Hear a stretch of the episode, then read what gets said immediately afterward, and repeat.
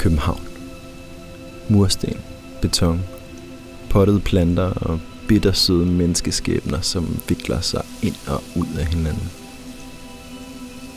I en park står to bænke side om side, som var de spejlbilleder af hinanden. På den ene bænk sidder en mand med hovedet i en spand vand, der står mellem benene på ham.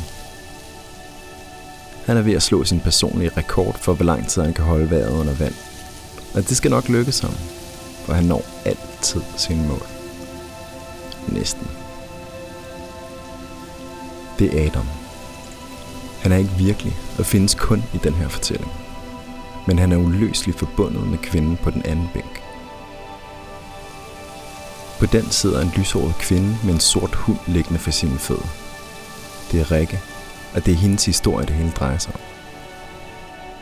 I modsætning til Adam har Rikke ikke sat mange mål i sit liv, for hun har vidst fra hun var en lille pige, at hun ville dø ung. Men kan man se ud i fremtiden på den måde? Rikke trækker vejret dybt, som om hun lige har løbet, imens hun navigerer rundt i sin telefon, uden at se på den. Åben. Musik,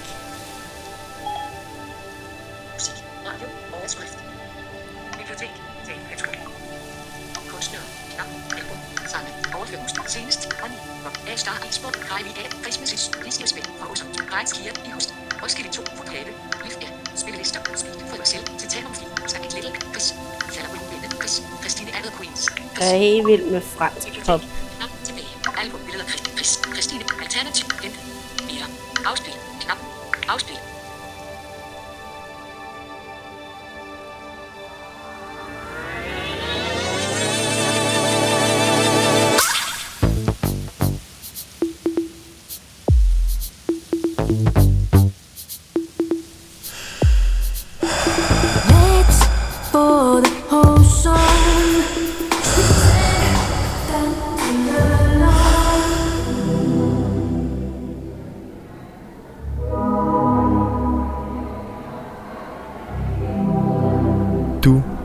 Til Sceneløs. Teatret Mongo Park har sat en dramatiker og en gruppe dokumentarister sammen for at eksperimentere med mødet mellem virkelighed og fiktion i en serie på seks afsnit med fem vidt forskellige historier. Det her afsnit hedder Intet bliver som du tror. Historien starter, da Rikke var en lille pige.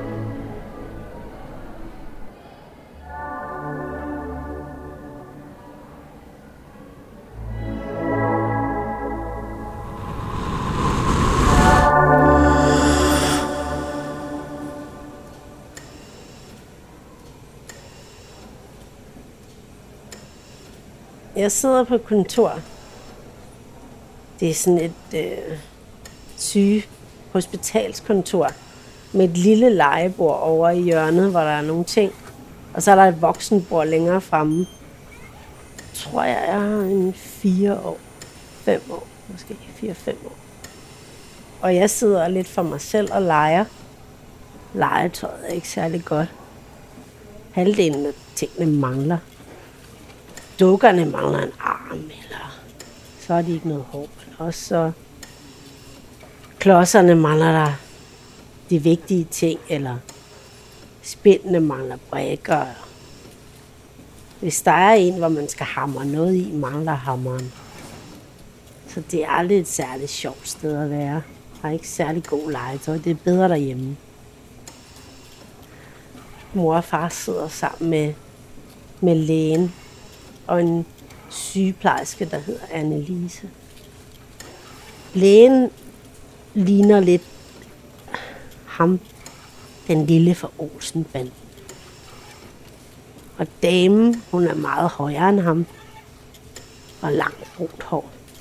Hun har et meget blidt ansigt. Og jeg ved, hun er rigtig sød. Hun har tit givet mig klistermærker. Og lægen smiler meget. Men når han snakker med mine forældre, så ser han lidt alvorligt. Han kan godt få sådan en rynke over panden, så han ser lidt sur ud. Hun bliver jo ikke så gammel, siger de. Nå. Ja, der er mange komplikationer og mange voksenord, bruger de, men Jeg forstår, at de siger, at man bliver maks 30 år, når man har cystisk fibrose, hvis man er heldig. Og jeg tænker, åh, hvad må det betyder? Men jeg ved, at min far, han er over 30. Han er meget ældre. Han er i 40'erne. Han er en meget voksen far, jeg har. Og jeg kommer aldrig til at blive lige så gammel, som de er allerede. Der jeg blev meget bange, kan jeg huske.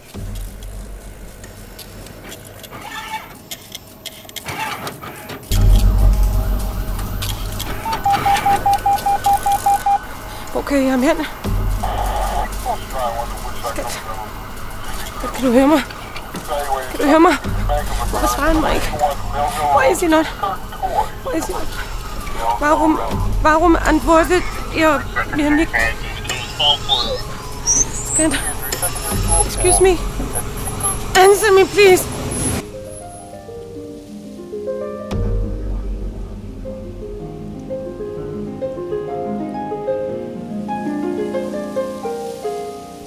Stakkel Sarah. Adam klarede den ikke. Det var jo ikke planen. Men den del af historien kan han måske selv fortælle.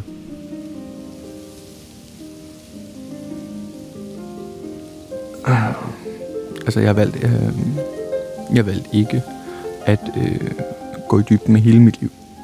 Det er ikke det. Altså, jeg, jeg har valgt øh, brudstykker, som jeg føler taler ind i min pointe. Det håber jeg er okay, så spiller vi heller ikke nogens tid. Ja. Øhm, ja, okay, jeg er lidt nervøs. Jeg trækker lige vejret. Hmm, okay. Øh, og så har jeg forberedt, at jeg vil starte med et spørgsmål til dig, for ligesom ind, altså lytterinddragelse. Eller ikke lytterinddragelse, altså du sidder lige der, men... Øhm, har du nogensinde holdt vejret? Og, og her mener jeg ikke i en eller anden pinlig situation, hvor man bare gerne vil forsvinde og blive væk. Øh, nej, jeg mener, jeg mener har, du, har du holdt vejret under vand? Et badekar for eksempel. Man kan jo selvfølgelig holde vejret mange steder, men nu, nu valgte jeg lige at fokusere på badekarret. Øh, har, du, har du ligget i et badekar, og så trukket vejret dybt ned i lungerne? Holdt dig for næsen, øh, Lukkede øjnene, og så dykket ned under det der punkterede badeskum, og mærkede det der vakuum. Bare et minut. Har du det? Det der vakuum, det, øhm, det tror jeg nok, at jeg altid har været afhængig af.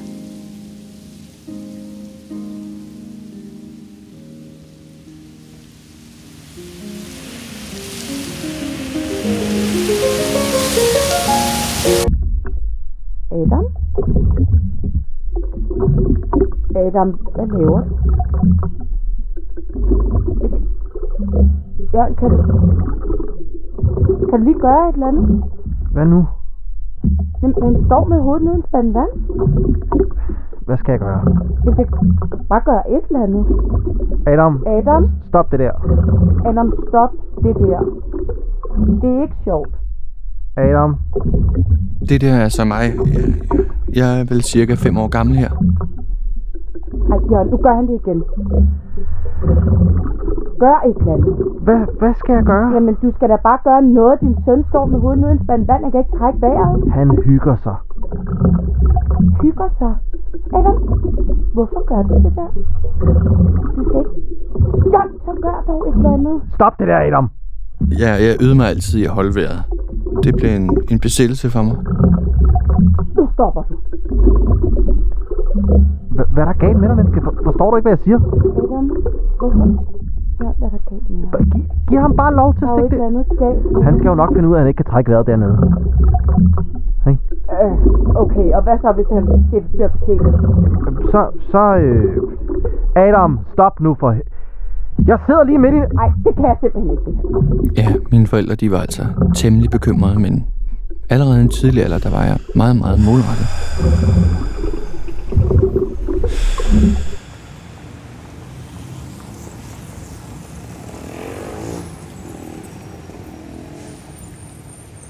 Gå frem.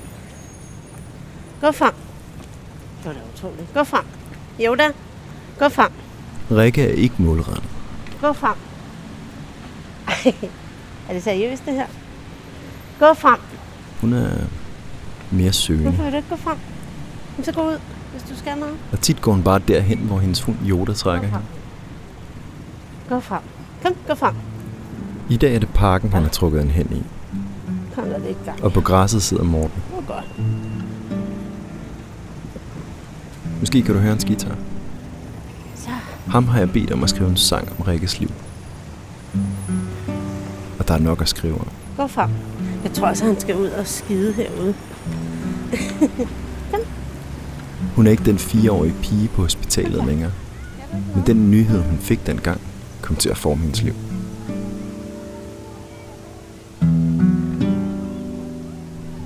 Jeg valgte korte uddannelser. Jeg tog en gymnasiel uddannelse, og jeg tog en HF. Og det, jeg ville, virkelig gerne ville, det var måske en lang uddannelse, men jeg havde bare den indstilling oven i hovedet, at hvis jeg skulle bruge så mange år på det, så havde jeg ikke særlig mange år på arbejdsmarkedet. Så det gad jeg faktisk ikke. Øh, og jeg, jeg var nok meget flyvsk, fordi at jeg havde lidt travlt med at skulle nå det hele. Jeg havde svært ved at falde til ro et sted, fordi at tænk, hvis jeg gik glip af et eller andet et andet sted. Og sådan tror jeg faktisk meget, det har været præg af, både med kærester og med... Også med mange venner har jeg også skiftet ud. Øh, hvis det var, de ikke lige passede ind eller lavede noget dumt, så var jeg meget hurtig til at sige, øh, hvis, det gider jeg ikke at, at spille min tid på, det er livet for kort til. Den brugte jeg rigtig meget, det der med, at, at det har jeg ikke tid til, det er livet for kort til. Og øh, jeg havde meget travlt. Jeg blev ikke rigtig voksen på noget tidspunkt, fordi at, at det handlede bare mere om at have det sjovt hele tiden. Jeg, øh, jeg kunne ikke rigtig finde ro og hvile i mig selv. Det, det havde jeg meget svært ved. Øh, jeg var meget, meget fest. Lånte en masse penge for at kunne feste. Det, det gik ret meget amok, fordi at jeg skulle, som sagt, nå det hele. Og så noget med arbejde og uddannelse, det gad jeg ikke rigtig at bekymre mig så meget om.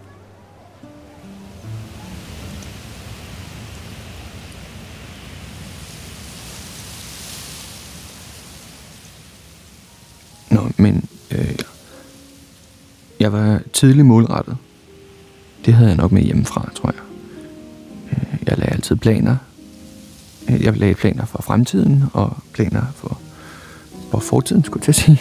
Det gjorde jeg selvfølgelig ikke. Jeg lavede delmål og helmål. Øh, Og først, det var først med dykningen, øh, og senere så, ja, så lagde jeg plan, hvad angik alt andet.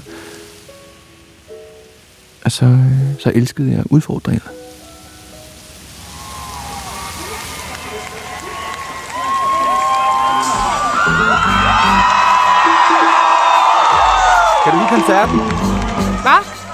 Koncerten? Ja, den er meget fin. Er du her alene? Hvad? Alene? Er du her alene? Nej, Okay. Hvem er du her med? vil du noget? Øh, ja, jeg vil høre, hvad du drak. Hvad jeg drikker? Ja. Jeg, jeg står lige og hører musikken. Jo, men musikken har det bare med at lyde meget bedre, hvis du har en, en el i hånden. Jeg har en kæreste, ellers tak. Ellers tak. Ja, Ellers tak. Den var alligevel værre. det var ikke for at fornærme. Jeg har bare en, så... Ja, det var ikke for at være... Er det din kæreste, du er med? Hvad? Din kæreste er han her. Jeg er her med min veninde. Tror du, at hun kunne lide mig bedre end din kæreste? Hvad? Din veninde? Er du altid så insisterende? Nej. Kun når jeg har set en, jeg virkelig gerne vil lære at kende. Du ved lige, hvad du skal sige, hva'? Og hvor mange børn jeg gerne vil have. Og hvor jeg ønsker at bo i fremtiden. Et par afstikker over årene selvfølgelig. To år i Australien. Ved Yongala i Queensland. Det er det absolut smukkeste sted at dø. Og så tre uger hver andet år til Belize, The Blue Hole. Man, man kan blive ved med at besøge det. Hvor mange? Hvad? Hvor mange børn? Fire. Tre. Tre. Tre. Fire for mange. Fire kan passe sig selv. Tre kræver særlig opmærksomhed gang tre. Så er det vel afgjort, At hvad er? At jeg bare lige bliver her og hører lidt musik, og du står der og hører lidt musik, og så går vi hver til sit, og så får jeg tre børn, og du får fire. Det er jeg ikke så sikker på.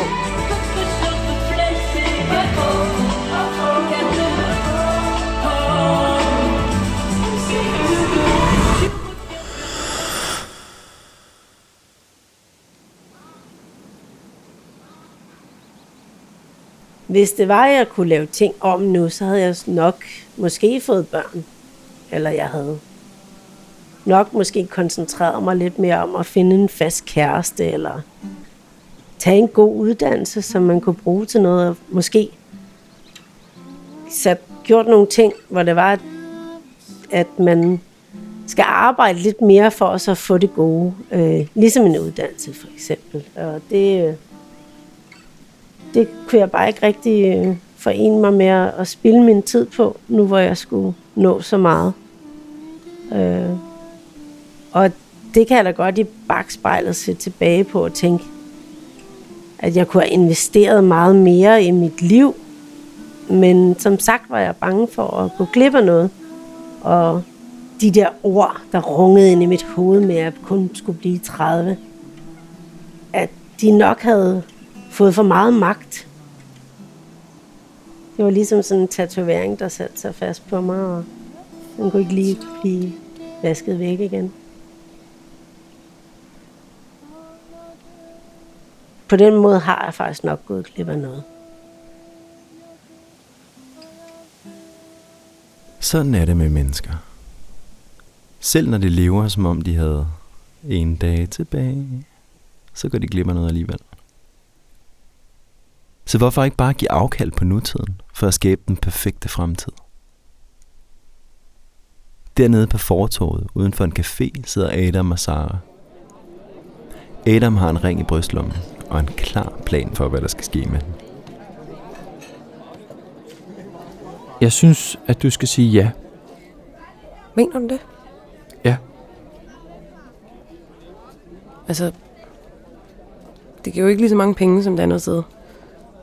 Og jeg havde slet ikke set mig selv i den stilling.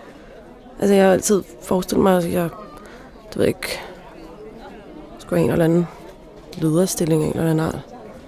Men der var, jamen det er det, jeg, jeg kan bare mærke, at der er noget, der er rigtigt her. Og derfor skal du sige ja. Du jo altid ombestemme dig, hvis det viser sig, at det ikke er det rigtige. Vil du kunne klare det? Klar hvad? At jeg ombestemmer? Selvfølgelig. Hvis du ombestemmer dig, så lægger vi bare en ny plan afhængig af de nye omstændigheder. Så jeg siger ja. Du siger ja. Jeg siger ja. Hvor er det sindssygt det her. Jeg siger ja. Gør du? Hvad mener du? Du sagde det lige. Hvad laver du? Ej, rejs dig lige op. Ej, jeg svæver hende der, og hun kigger. Det mener du ikke. Sara, vil du gifte dig med mig? Bare fordi det passer ind i din plan, dit røvhul. Fint. Var det et ja? Ja. Og rejs dig så op, før det bliver pinligt.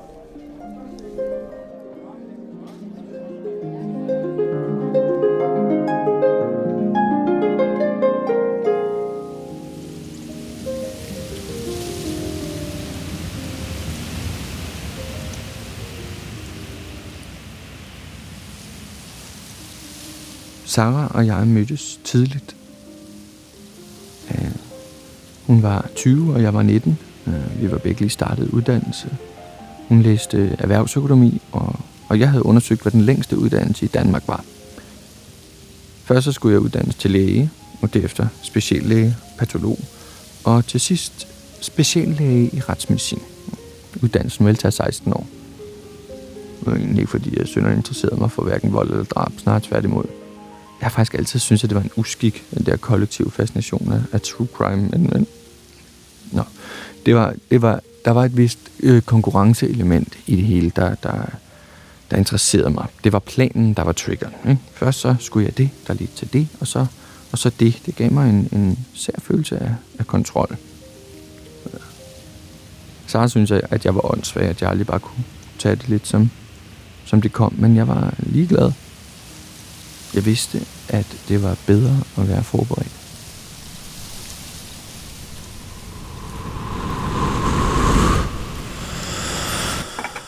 Hvorfor kan vi ikke bare tage dig hen, lige hurtigt sige hej, og så tage hjem igen? Fordi jeg ved, hvad der sker.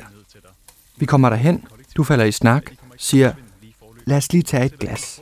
Så spørger jeg, et glas? Ja, et glas. Så tager vi et glas, det drikker vi hurtigt, og så siger du, bare et til. Så svarer jeg, men hvad, du sagde, jeg synes, du sagde, "Nå, du er altså ved sat af planer. Spol frem til næste morgen, hvor jeg ved, du ligger med hævet ansigt og tømmermænd og siger, jeg kan ikke tage med. Det er ikke fair. Er det ikke? Hvad er det sjove ved bare at tage hen og sige hej og farvel og så gå igen? Er det så ikke bedre at komme tilbage en anden dag, hvor vi har lidt mere tid? Men hun regner bare med, at jeg kommer lige præcis i dag. Og hvad så, hvis vi har lidt tømmerhands i morgen? Det dør vi vel ikke af? Men så sig, at vi fejrer lige præcis det, vi fejrer i dag en anden dag. Bare Ej, os. du er så irriterende. Og vi skal tidligt op. Altså, uret ringer klokken 7. Du skal i bad. Øh, jeg skal i bad. Og så er klokken cirka kvart i, og så skal vi lige dobbelttjekke, at vi har alting, ikke? Og så har vi cirka 20 minutter til lige at lave en kop kaffe og få lidt at spise. Og så, og så 30 minutter til at nå toget.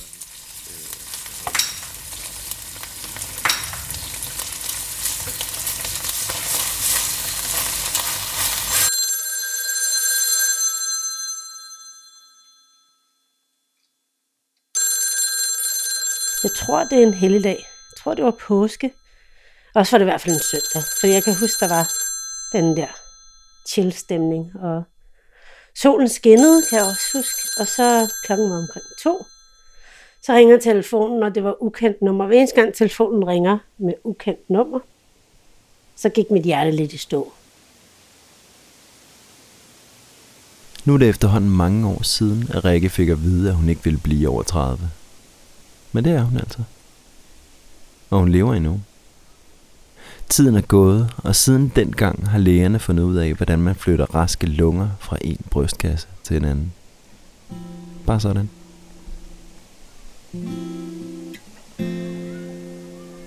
Så var der en dame, der sagde, at hun ringede fra et eller andet transplantationskoordinator eller sådan noget. Øhm, og sagde til mig, at nu havde de fundet sit nye lunger til mig, og at de ville sende en transport. Og så øh, ringer jeg først til min mor. Hun boede tre opgange væk og sagde, så er det nu. Jeg var helt sådan op at køre. Jeg kunne slet ikke, kunne slet ikke næsten ikke snakke. Jeg var sådan helt, åh oh, nej, så er det nu. Jeg var både bange og glad, og der var så mange følelser. Jeg kunne næsten ikke rumme det. Kiggede over på min hund og begyndte at græde over, at jeg skulle væk fra den. Og bare fordi jeg vidste jo ikke, om jeg ville overleve. Det er et kæmpe, kæmpe indgreb. Så. Og så gik vi ned, og mig og min mor tog med mig, hun tog med mig ud på ride, og lungerne ville først være klar ved en 8 tid, sagde de om aftenen. Så jeg havde lige noget tid til at sidde og falde lidt til ro, og man, man er meget rundt på gulvet, når man får sådan noget at vide, og man skal ind til sådan et stort indgreb. Ens tanker, alle de tanker, der løber igennem ens hoved om, hvordan kommer det til at gå? Hvordan bliver det, når jeg vågner? Hvor ondt kommer det til at gøre, når jeg vågner? Jeg havde fået at vide, at jeg kunne få hallucinationer bagefter. Hvordan bliver det? Så øh, gik jeg i bad og kom ud, og vi sad og så noget tv, mig og min mor. Jeg kan huske, vi så et eller andet program med sådan en gård. Og så var nogle mennesker, der skulle konkurrere om at være på den gård. Og, ja, og sad og snakkede med min mor, og min mor var også meget nervøs og sådan noget. Så kom der en portør og hentede mig. Og så kan jeg huske, at jeg bliver rullet ind på en stue. Og så kan jeg huske, at der er nogle læger og sygeplejersker omkring mig. Men jeg kan ikke huske, hvordan de ser ud. Og jeg kan huske, at jeg får den der maske på, for at jeg skal falde til ro. Og de har lagt en venflon på mig, så jeg kan få narkosen. Altså man får sådan en maske for hovedet, og så tæller de ned. 10, 9, 8, og så, så forsvinder man. Og man efter og så hallo. Is.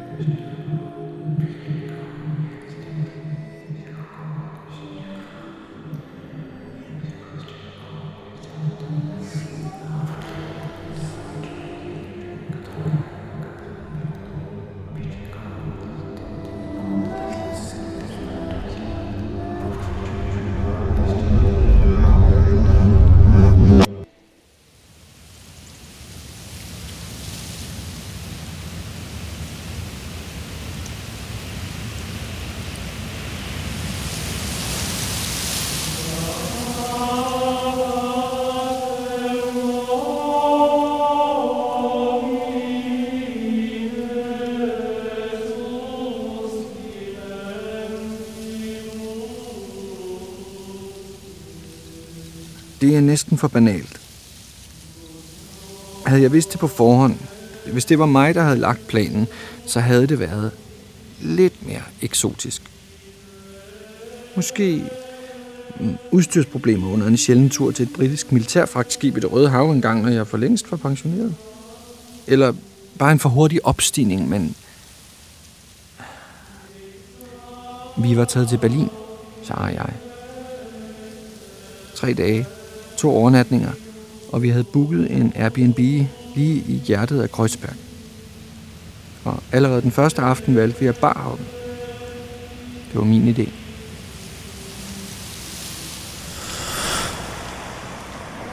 Hvad mener du? Det kan du seriøst ikke mene. Selvfølgelig mener jeg det. Selvfølgelig.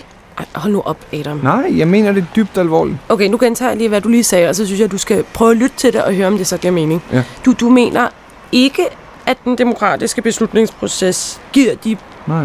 bedste muligheder for at få mest mulig information og, og flest Nej. til at overveje den information, eller? Danskerne er dumme. Jeg siger bare...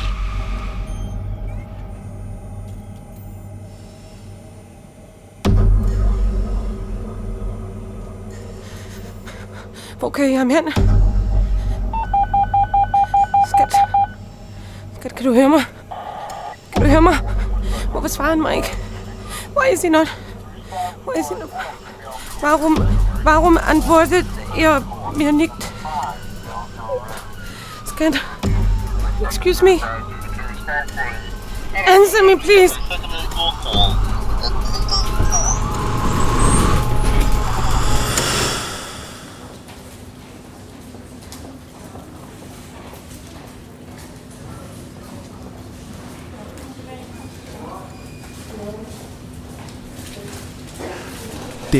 Ligger de to. Rikke og Adam på hver sin briks med hver sin respirator, som hver især holder deres lunger i gang. Adams hjerne klarede den ikke, men hans lunger gjorde. Nu åbner døren sig, og et hold iført blå dragter kommer ind ad den og pakker deres værktøj ud. De småsnakker og griner lidt. Det gør man nok bare, hvis man skal til at udføre noget, som er svært og vigtigt. Adams brystkasse skærer de op med, hvad der ligner en rundsav, fra det punkt, hvor kravbenene mødes og ned efter, indtil han er helt åben. Og hans smukke, sunde, perfekte, lyserøde lunger ligger helt blottet. Derefter åbner de række. Når man boder en kvist på et træ, så er både træ og kvist forandret.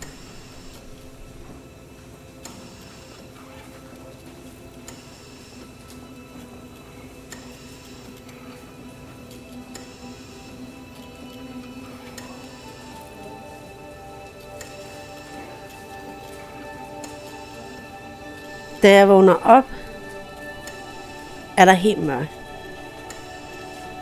Jeg er sikker på, at de har puttet mig ind i et sort telt. Jeg tænker, det er meget underligt, at de ikke har fortalt mig om det sorte telt. Jeg har ondt i kroppen. Jeg kan ikke bevæge mig. Jeg kan ikke, øh, min ene arm, den kan slet ikke bevæge. Den anden kan jeg lige løfte lidt. Jeg bevæger mine fingre. Men jeg kan ikke se mig selv. Jeg kan ikke se min krop. Det er meget mærkeligt. Jeg kan ikke se min krop overhovedet.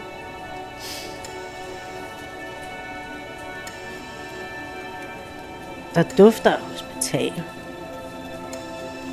Rent. Steril. Det er meget, meget mærkeligt at ligge der. Jeg er helt bundet fast. Jeg kan heller ikke snakke.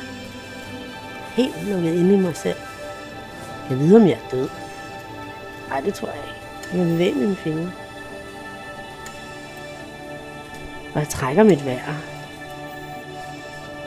Når jeg prøver at bevæge min overkrop, så gør jeg sindssygt ondt i min brystkasse og i min ryg.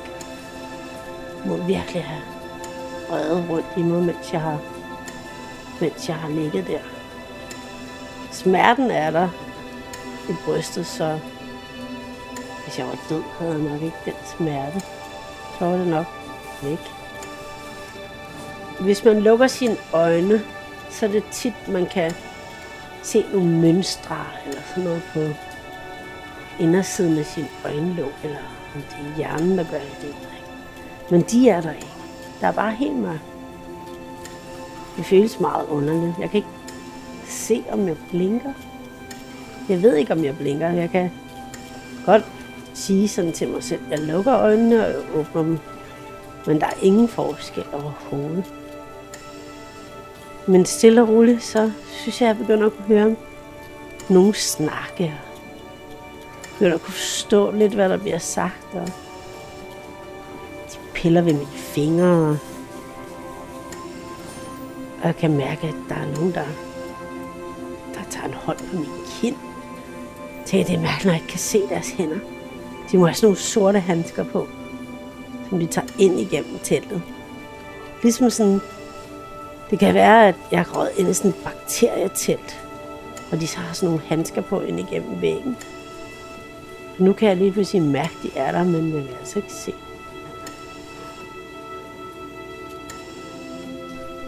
Rikke lever, men hun er også blevet blind.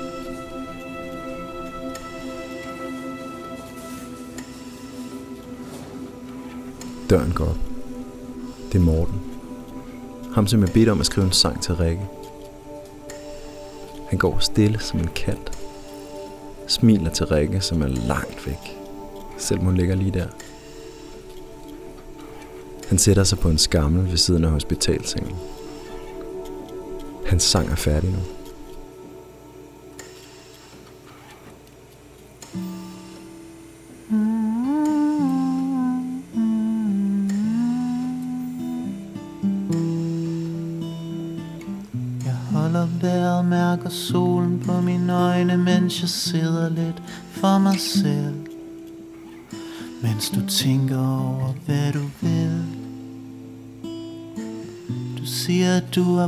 Har for tid, at jeg skal vente, og måske det, hvor vi er i livet. Måske at det bliver bedre med tiden. Men der er noget, jeg ikke må tage for givet i mig. Det er som at sove uden at drømme vend på dig, og det er livet alt for kort til.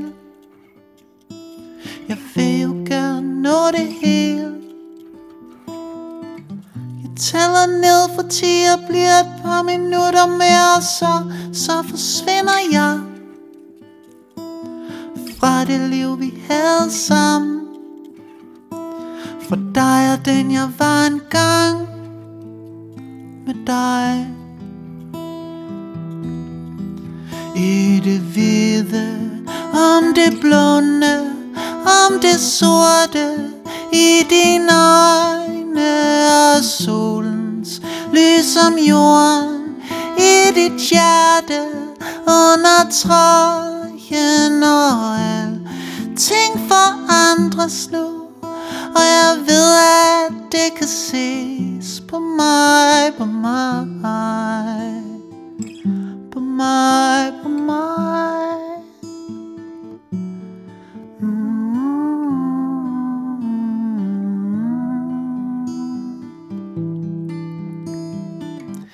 Tænker på, hvordan det bliver, når jeg vågner, og du ikke er ved siden af mig.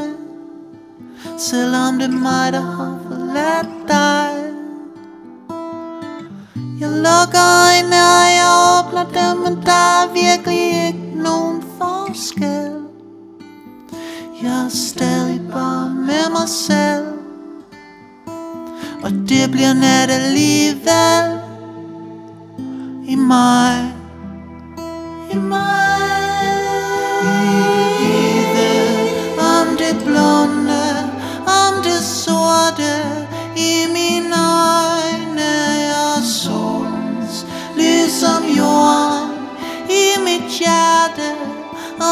trøjen Og jeg er forandret nu Og jeg ved at det kan ses på mig.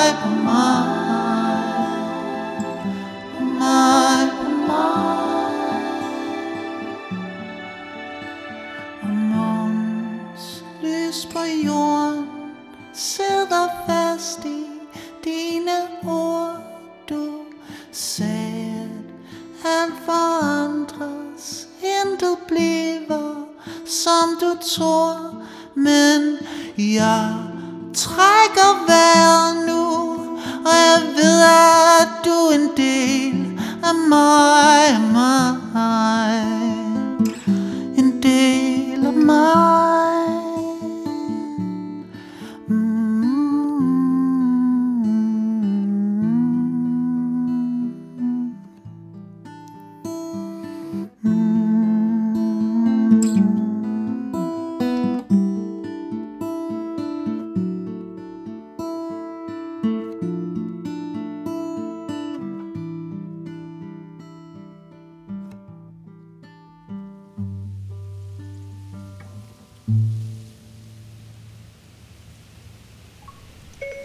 Åben musik.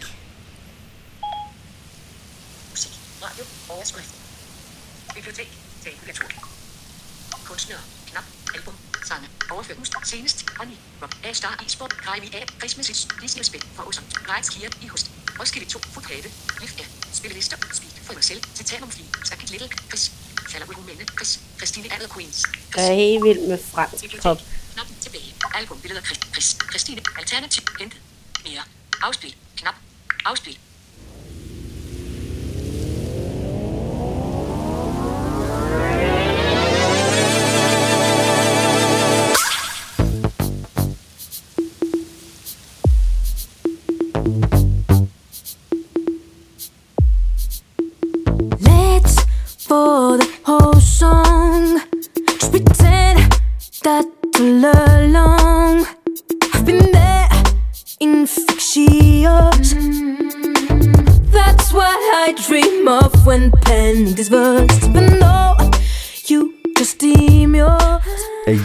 Tak til Rikke Dam, som fortalte sin virkelige historie om at overleve cystisk fibrose.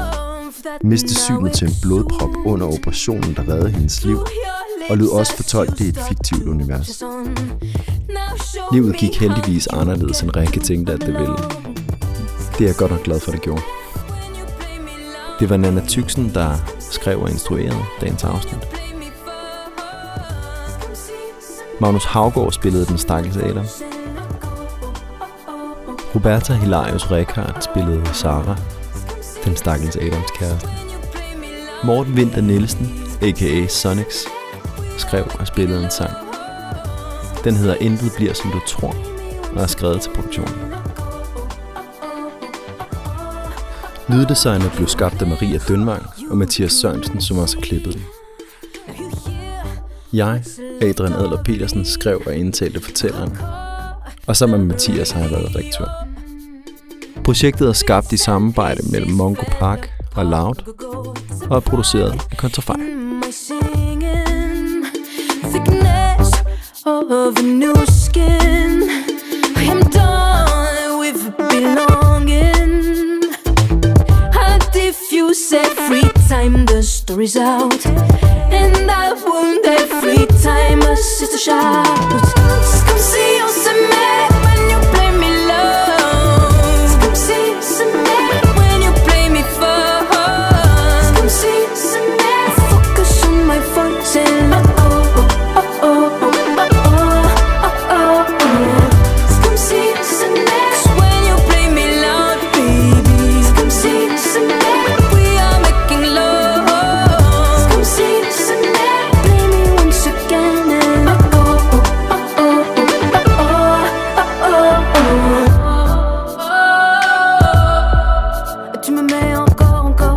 encore, encore. Tu me mets en